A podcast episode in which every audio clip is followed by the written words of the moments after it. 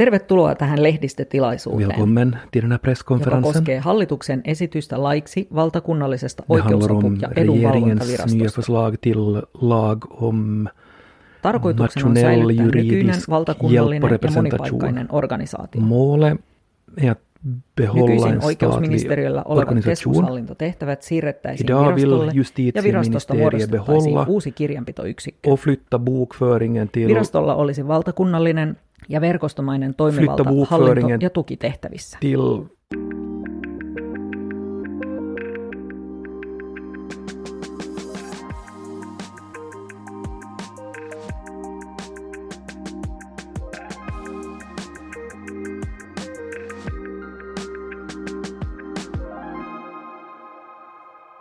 Näst sista ordet är här igen med mig, Jens Berg och språkexperten Jenny Sylvin. Hej! Har du Jenny haft tolkuppdrag? En gång. Det var jätte, jättesvårt. Jag satt faktiskt i riksdagen i deras tolkbås och simultantolka från svenska till engelska, vilket jag är totalt obehörig för. Det var alltså en, en studiekompis till mig som, som hade engelska som sitt huvudämne som fick det här uppdraget. Det var väl inte meningen att det skulle vara så här jag menar, hade de velat ha proffstolkar hade de ju anlitat dem, men, men det, de, det, liksom, de stora dragen skulle översättas och det var då alltså simultantolkning det var fråga om. Det handlar om kommunal service och till all lycka hade jag fått ut ett utkast till varje inlägg, liksom varje tal på Ja. förhand, så att jag kunde översätta huvuddragen i budskapet faktiskt liksom hemma redan innan jag kom dit. Men jag minns att, att min kollega och jag vi avlöste varandra ganska ofta för det var jättetungt. Ja. Jätte, jättetungt och jag var alldeles trött och slut i huvudet Mm. när vi var klara. Vi har en gäst, Jenny, i, idag och, och hon sitter här än. Men jag är nyfiken att höra, hur skulle du beskriva henne och det hon gör? Vi har ju en gäst som har ett imponerande lugn och en förmåga att blixtsnabbt förvandla finska politiker och myndighetsbeslut till redig svenska. Och det har hon också fått pris för. Minsann. Jag säger välkommen till Tina Källgren. Tack, tack. Tack för inbjudan. Du är alltså Tina tolk och översättare och dina språk är finska, svenska, engelska, norska och danska. Och precis som Jenny sa så är du prisbelönt tillsammans med din kollega Annika Törme så fick eh, ni årets Hugo Bergroth-pris bland annat för era fantastiska tolkningar från regeringens presskonferenser om coronapandemin. Inte så illa kanske att få det där priset. Nej, verkligen inte. Det var jät- jätteroligt. Och hälsningar till Annika till, till Vasa som inte kunde vara med. Jag tycker det är så fantastiskt när du säger fantastiska tolkningar, för, för, för det är de. Och ändå är hela liksom, tolkningens väsen är just det här att det ska inte vara fantastiskt, utan det ska vara lågmält, det ska vara korrekt, det ska vara snabbt och tydligt. Ja, sant. Ja, Men det är jag- det som är en fantastisk tolkning. Jag, jag är nyfiken Tina på det här. Vi hörde en så kallad tolk här i, här i inledningen av programmet. Vilka fel gjorde den här tolken vi hörde? Um, tolken var ju bra. bra liksom, det finns potential skulle jag säga. Vem, vem var det månne? Jag, Jag vet inte. Alltså, rösten lät lite bekant. Men, nej, men kanske det var lite bristande ehm, terminologi där. Kanske lite nyckelbegrepp som fattades. Och vad, vad hette den där lagen nu egentligen? Och vad var det för um, myndighetsorgan som, som skulle inrättas? Sen var det kanske lite oavslutade meningar, var det så? Mm, Ja. Och sen var det också kanske så att uh, tolken hängde upp sig på vissa ord och kom inte riktigt vidare. Men, men potential finns det, det skulle jag säga. Det var jättehyggligt sagt av, av dig. Men är det så Tina att allt det här du, du räknar upp, alltså nyckelbegrepp, att inte avsluta meningar, att man hänger upp sig på, på, på ord och inte kommer vidare, så där, man kan förbereda sig i princip på, på allt det här? Man kan förbereda sig på, på en del och till och med mycket ibland, men inte allt och inte alltid Nej. varje gång. Nej. Men, men säkert just det här nyckelbegrepp, att det, att det kan man ha bättre koll på. än- Absolut, om man är på väg till, till ett uppdrag så vet man ju nog vad det handlar om. Mm. Och trots att man inte har fått kanske material, vilket man ju gärna vill få såklart, men om man av någon anledning inte har fått så, så försöker man ju liksom gräva fram allt vad man kan med den lilla information man har, har om det där uppdraget. Det här exemplet vi hörde så var en simultan tolkning, alltså när man i realtid tolkar från ett språk till, till ett annat. Vilka andra varianter av tolkning finns det? No, alltså det finns två, man skulle, jag skulle kanske kalla det för typer av tolkning. Och Det är simultantolkning och konsekutiv tolkning. Och simultan är ju det som sker samtidigt medan konsekutiv tolkning är det att talaren talar först lite, eh, några minuter. Tolken sitter och gör anteckningar och återger det som talaren har sagt. Och sen är det talarens tur igen, så det går liksom turvis. Så, här. det. så det är två olika typer. Sen finns det också olika typer av tolkning utifrån sammanhang, var, var den här tolkningen eh, sker. Till exempel konferenstolkning i samband med konferenser, seminarier och så, så vidare. Rättstolkning i, i rätten, i rättsväsende. Och sen finns det något som heter kontakttolkning. Och det är i olika såna här myndighetssammanhang. Man besöker pol- polisen, till, går till läkaren eller uh, någonting liknande. Och där är det ofta eh, vad heter det, eh, invandrarspråk som används. Men om vi ser på de här två huvudsakliga, då, simultantolkning och så sa du konsekutiv tolkning. Vilken är svårare, sådär generellt? Ehm, båda två är, är, på sitt sätt kan vara svåra. Också konsekutiv tolkning kan vara svår trots att du har lite mera tid att fundera och, och, och tänka på att hur, hur ska jag liksom formulera det här. Men om till exempel det här konsekutiv tolkning är väldigt abstrakt så medan du gör anteckningar så har du jättesvårt att hitta på symboler. Vi använder ju när vi gör anteckningar så använder vi olika symboler. Men om det hela liksom resonemanget är väldigt abstrakt, ligger på en abstrakt nivå så kan, kan du inte riktigt... Du måste bara försöka skriva så mycket du hinner. Hur Och ser sen- de här symbolerna ut? No, det finns en massa, alla har sina egna. Länder kan man liksom ha vissa symboler för. Och, och, och sen använder man pilar hit och dit. Och man och kvinna, manligt, kvinnligt. Och allt, För att det är allt snabbare möjligt. att anteckna. För det är snabbare Ja. att anteckna. Ja.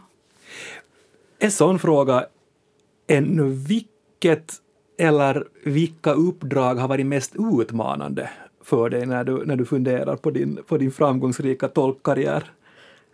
framgångsrik och framgångsrik. Men, men det här, utmaningarna ligger ju i det att tolkning per definition är det att man återger, tolkar det som talas, det talade språket. Men i praktiken är det ju inte alltid så, utan vi vet att när ministrarna marscherar fram, de, vi ser att de har ett papper i handen som de börjar läsa innantill. Och ofta svåra texter. Så då, då hamnar man i, i problem. Ja. Har du något exempel på när det har gått tokigt för dig eller när, när det har blivit problem som du har, när du har kommit hem så du tänkt att shit, det här var inte en bra dag på jobbet? Det är nog oftast just de gångerna då, då talaren läser innantill det ur ett papper. Då kan man nog nästan alltid säga att, att man är lite missnöjd med sig själv efteråt och missnöjd med sin egen prestation och tycker att det är ju, liksom, det är ju en överlevnad i såna fall nästan att man försöker liksom hålla huvudet över vatt- vatten. Men det, handlar ju också, ja, det handlar ju också om att du översätter egentligen från ett medium till ett annat. Ja. det, du översätter egentligen en text som är avsedd att läsas Ja, ja. till talat språk. Men hur mycket på förhand skulle du ha nytta av att få det där manuset i så fall för att hinna så att säga beakta det? No, alltså, nästan när som helst bara man får det i, i förväg. Till och med några minuter hjälper om man liksom skummar igenom snabbt vad, vad texten handlar om. Och sen för att inte tala om man får det dagen innan och om man konstaterar att det är jättesvårt så gör jag faktiskt en grov översättning ibland och sen läser upp det. Har du någon favoritgenre eller favoritämne som du tycker är roligt eller som du tycker Nå, du är extra bra på? Politik gillar jag ju och sådana här samhällsgrejer och, och varför inte kultur också? Teknik såklart lite mindre, så här typiskt. Eh. Men, men spelar, spelar personens tempo i talet någon, någon roll? Alltså är det enklare om man talar jättelångsamt eller är det, spelar det ingen roll om man talar snabbt? Äh, långsamt kan vara svårt också. Vi har ju vissa exempel på före detta politiker som har talat jättelångsamt.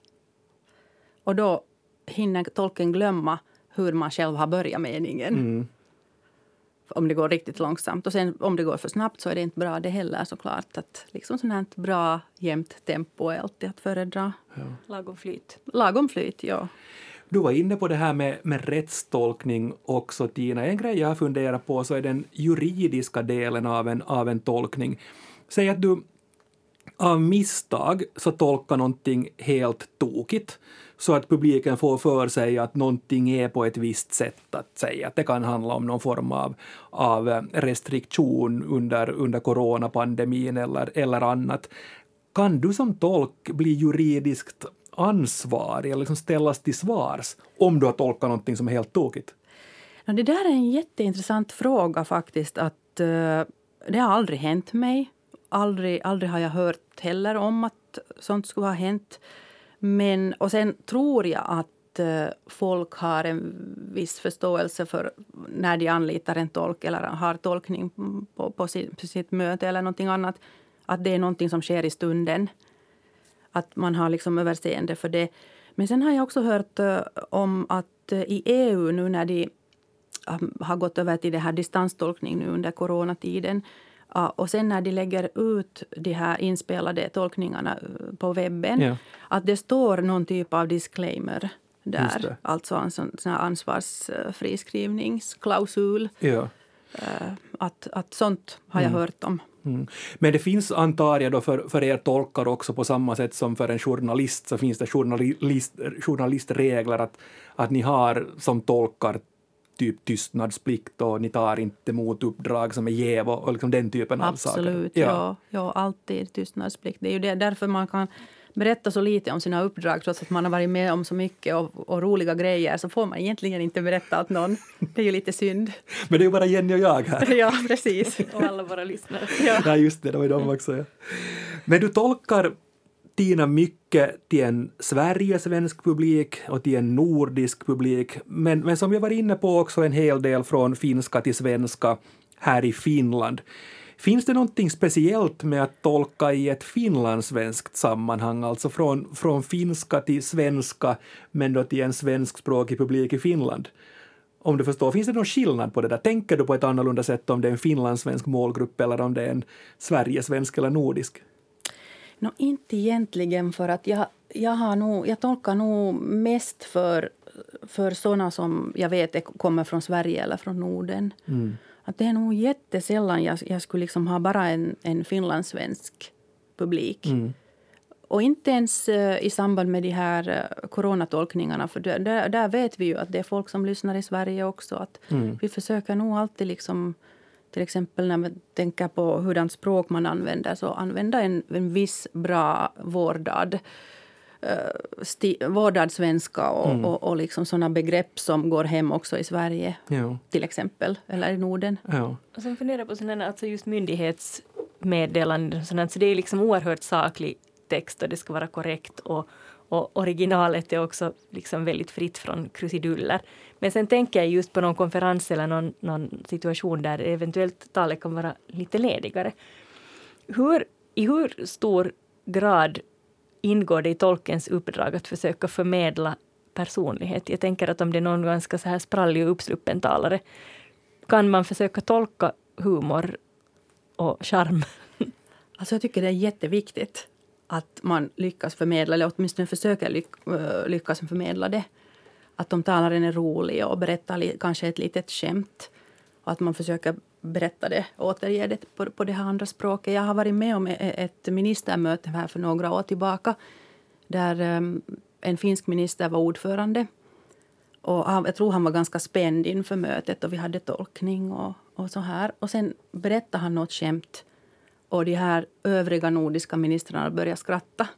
Så det liksom det gick bra. Liksom. Yeah. Vi lyckades det med det och med den med konsten att förmedla det här budskapet. Och sen efteråt, när mötet var slut, så kom han fram till oss dit till tol tolkkabinen och sa att det var ju ett lyckat möte. De skrattade åt mitt skämt. och det, var så här, mm. det var det viktigaste för honom ja, tydligen. Ja, ja. Tänk att det, en sån men grej. Men frestas du någonsin göra, göra liksom så här tvärtom? Att du har någon träbock och sen tycker jag att jag skulle liva upp stämningen med lite roligare tolkning. Det skulle vara roligt ibland nog göra det men att, men att om vi har en träbock så måste man nog själv kanske försöka också vara lite träbockaktig. Det är jättespännande det du sa det där om att, om att översätta ett, ett skämt. Jag tänker hur, hur gör du när om, om, om, om talaren på finska kommer med ett, ett ordspråk eller citerar någonting på, från en finsk roman eller från Bibeln. Vet du, liksom någonting som är sådär helt på finska som inte du En får. kulturell referens. Ja, kulturell. Hur, hur gör du då? Jo, det är jättesvårt, det är jätteknepigt. Här kan jag också, kulturell referens, på tal om det, så kan jag berätta en historia. Det här är också för några år, år tillbaka. Jag, jag satt, eh, vi, har, vi var på middag med mina kunder, finnar och svenskar, och satt där. Och, och sen började kvällen lida mot sitt slu- slut och jag sa åt, åt båda att jag, jag började gå tillbaka till hotellet. Och då sa finnarna, som hade kanske tagit ett glas vin eller två, sa till mig att säg till svenskarna näihin kuviin, näihin tunnelmiin. Jag sa att det går inte. Nej, nej. Jag sa att det går inte. Och så sa de, mikä tulkki sä oot? Sano nyt. Jag vet inte vad det betyder. nej. nej hur ska man... Hur Det är jättesvårt. Alltså, det är ju en, en sån här kulturell Ja. grej. Det går tillbaks till, jag tror det går tillbaks till äh, ba, bakhopp, bakhopps... äh, Ja, typ äh, tyska- typ sådana ja. referat, sportreferat. Ja, typ ja, till tysk-österrikiska Tysk, bakveckan. Ja. ba, bakveckan, att Ja. näihin kuviin, näihin tunnelmiin. Ja. Det går inte. Liksom, hur kan man göra Nej, det? nej. Nej. Är det. Eller kuuluuko Pasila? Kuuluuko Pasila? Ja, tavataan torilla. Ja, exakt. Nej, hur gör man? Hur, hur gör man det? Nej, men det finns ju många... Tänk nu Tina att det skulle vara en, äh, en tolkning och det handlar om äh, energi. Och så är det en finskspråkig äh, energiexpert som talar om vindkraft och, och så säger han att ja, väderkvarnarna har ju fått sitt namn utifrån energikällan, alltså då talar han om Tuulimyllyn. Men då blir det ju inte jättebra att tala om, om, om det på, Säg på att svenska. väderkvarnarna heter väderkvarnar för de får sin energi från vädret. Från väder, ja, när man släpper väder. Ja, men hur, liksom, hur gör du i sådana här situationer? Då måste du ju hela tiden omskriva, antar jag. No, då säger man bara att det finska ordet har, har liksom det här ordet vind i sig. Mm. Ja, ja, så du förklarar alltid. Jag förklarar då i så fall. Ja. Men det tänker jag ännu på att, att när finskans uppbyggnad av meningar och hela finskan är uppbyggd på ett helt annat sätt än, än svenskan. Hur har du hela tiden den där dubbla moden i din skalle så att du, att du alltid tänker svenska när du hör finska och börjar liksom meningsbyggnaden på ett svenskt sätt om du förstår vad jag menar? Ja, alltså man är ju en slags lindansare på det sättet att man måste balansera mellan de här två. Och, och på konferenser ofta så är det ju inte bara åt det ena hållet utan det kan hända att vi har ett inlägg på svenska och genast nästa inlägg eller nästa kommentar på finska. Så liksom man måste ju bolla fram och tillbaka hela tiden. Förresten, jag kan inte använda det här ordet mera efter att jag har lyssnat på er. Ja, bolla. Sorry. Men hur som helst. På danska bollandet? Jo, jag vet. Jag har lyssnat på det här tidigare avsnitt. Men, ja. Men det här... Ja, vad var frågan? Nej, men det, det att, att, att, din hjärna är i den här moden att du hela tiden tänker på det andra språket fast du hör på, på, på ett annat, att du omskriver meningsstrukturen till det andra språket, för det tycker jag är Ja. ganska fascinerande. Ja, men, men som sagt så är det ju... Det här är ju en sån slags färdighet som jag har i mig och som jag har liksom gått en utbildning för faktiskt nästan ett helt år med bara typ simultantolkning. Mm. Så att det är som att hoppa på en cykel och börja cykla. Inte vet jag, du frågar någon som cyklar där ute, vad är det som händer när du hoppar på cykeln? Så säger de bara att "Nå, jag vet inte, jag börjar cykla. Sant. Ja. Ja. Snart, Tina, du är lite förvarnad om det här, men inte jätte, så ska du få ett, ett test om några minuter. Mhm.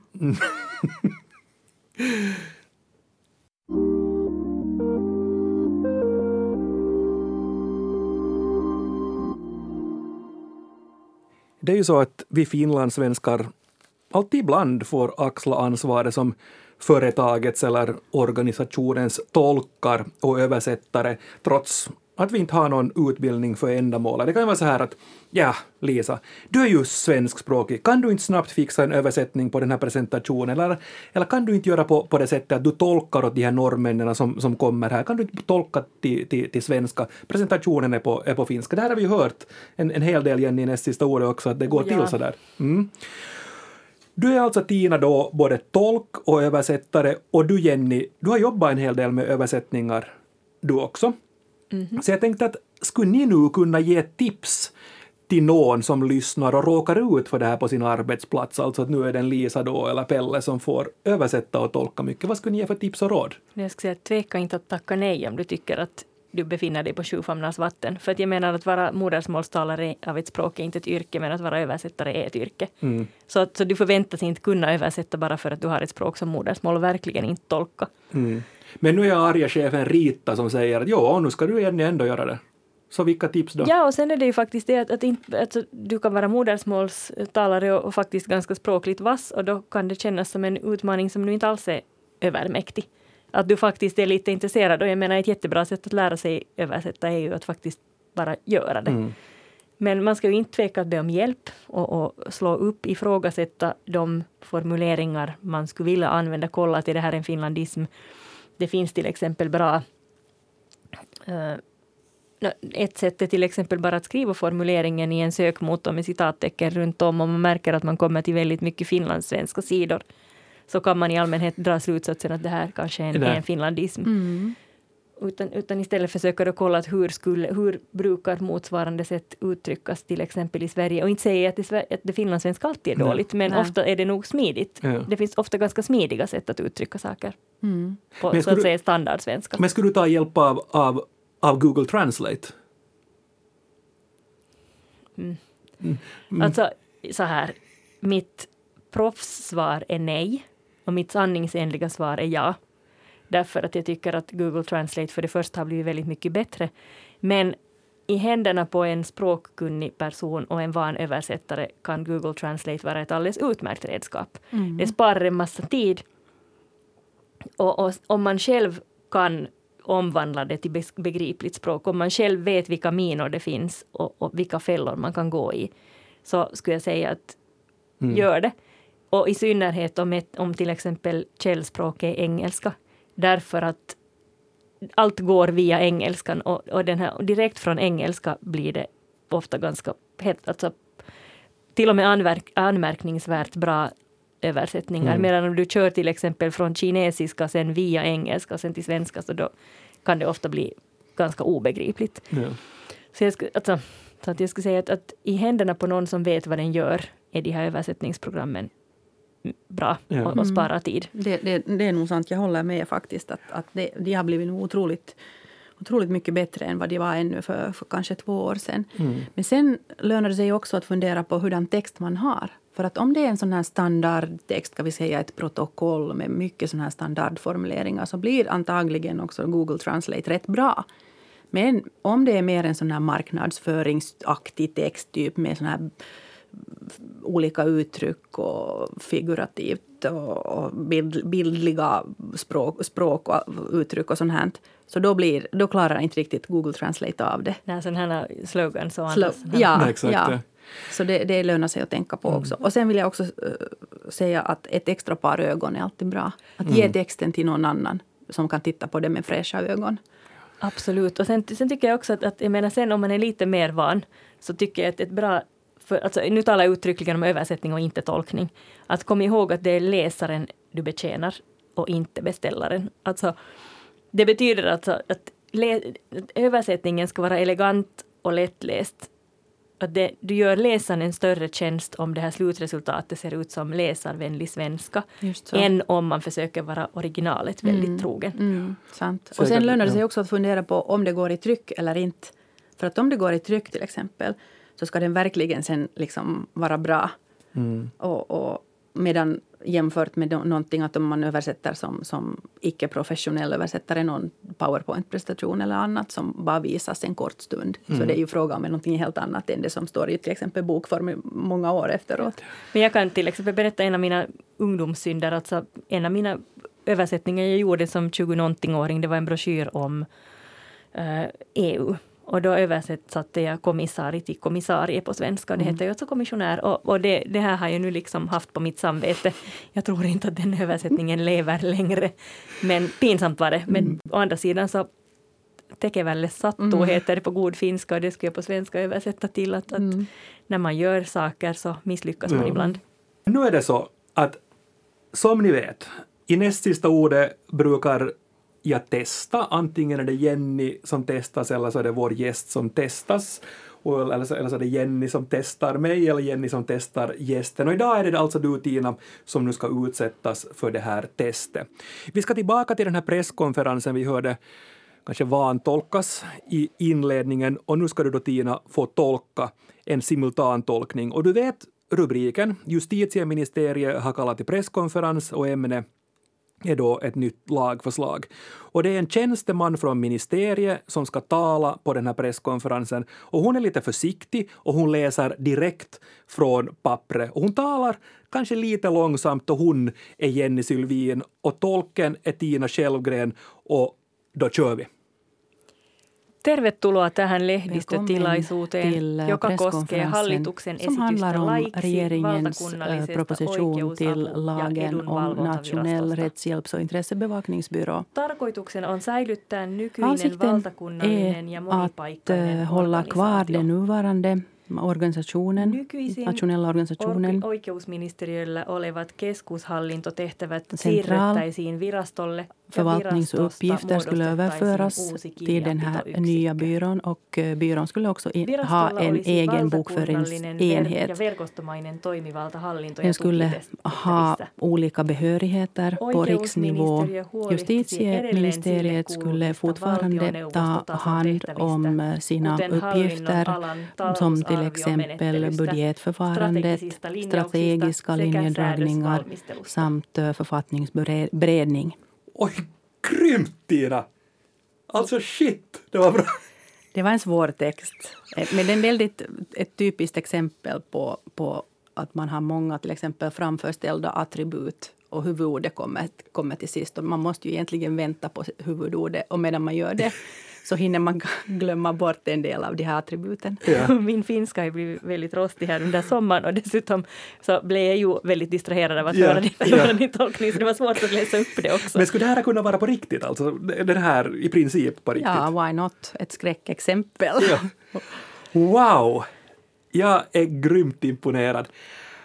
Som avslutning på varje avsnitt så plockar vi fram det bortglömda ordet. Ett ord vi tycker att du kunde använda mera under den kommande veckan. Och idag Jenny, jag är jättenyfiken, det är du som har tagit med ordet idag. Vad har du tagit? Jag kommer att tänka på min farfar som brukar kalla sina barnbarn, alltså oss, skälmar. Skälmar? En, skälm det, det, har en mängd synonymer och, och, och, lite olika nyanser också, för det har alltså betytt någonting som är från en, liksom en riktig regelrätt oärlig skojare och skurk, men det har sen också fått en lite kärleksfull tolkning, en krabat, rackarunge. Äh. Vad tycker ni om ordet? Vad ger det er för associationer? No, jag, jag tänker att jag, jag har just läst det där ordet, men då var det sammansatt. Då var det skälmroman eller skälmarroman, alltså skälmhistoria, skälmberättelse, alltså då är det en, en roman som handlar om någon form av skojare. Men, den, den, ja, den, den sammansättningen har jag inte hört. Du har hört det? Att det här är en självmordsroman. Jag läste det alltså Mikael Crawfords nya, den här östnyländska romanen. Det var någon som skrev om det, att det här var en självmordsroman. Okej. Okay. Ja. Mm. För mig är det, är det ganska obekant. Men det är ett jättefint ord. Ja, jag, jag, tycker det är fint, men, men jag tycker det är också lite spännande. Alltså, för att min farfar han var också en, en skälm. Han tyckte om att skoja. Ja. Så här godmodigt på lek. Men en, alltså, då hade skälmen ursprungligen en ganska entydigt negativ klang. Och den hade förskjutits så att man kan också då, eller då, han var född på tidigt 1900-tal, vid sekel, förra sekelskiftet. Så, att, så att det var liksom en, en, mycket gammal persons vokabulär. Men jag tänker också ordet rackare, som ju då var det här rackarunge Och rackaren är också ett, ett ord som har fått en, en betydelseförskjutning. För tidigare var rackaren den som tömde avträdeskärl, tömde liksom kakibyttorna på offentliga toaletter i städerna förr, eller städa undan as, var bödelns dräng och sådär medan, medan man nu rackare kan man säga du din lilla rackare och det är mm. ganska positivt och gulligt ja, visst är det, ja. ord. Men skälmen tycker jag är en trevlig figur. Skälmen, det ska vi använda under, under den här veckan. Tack Tina Självgren för att du besökte oss idag. Det var jätteroligt att ha dig här. Tack för att jag fick komma. Och, Jätteroligt. och imponerande, alltså grymt imponerande. Verkligen. Skriv gärna till oss hör ni på nastsistaordet.yle.fi. Har du ord eller uttryck du funderar på? Vi kommer senare i höst, kan jag säga det nu, att ha ett avsnitt som handlar om era frågor och, och våra svar. Vi har till exempel fått in frågor som varför säger man och därmed basta på svenska? Varifrån kommer namnet flodhäst? Det är väl ingen häst? Har du motsvarande frågor, ställ dem. Antingen så vet Jenny svaret på dem eller så tar vi reda på. Men nu för den veckan säger Jenny och Jens morgens. morgens.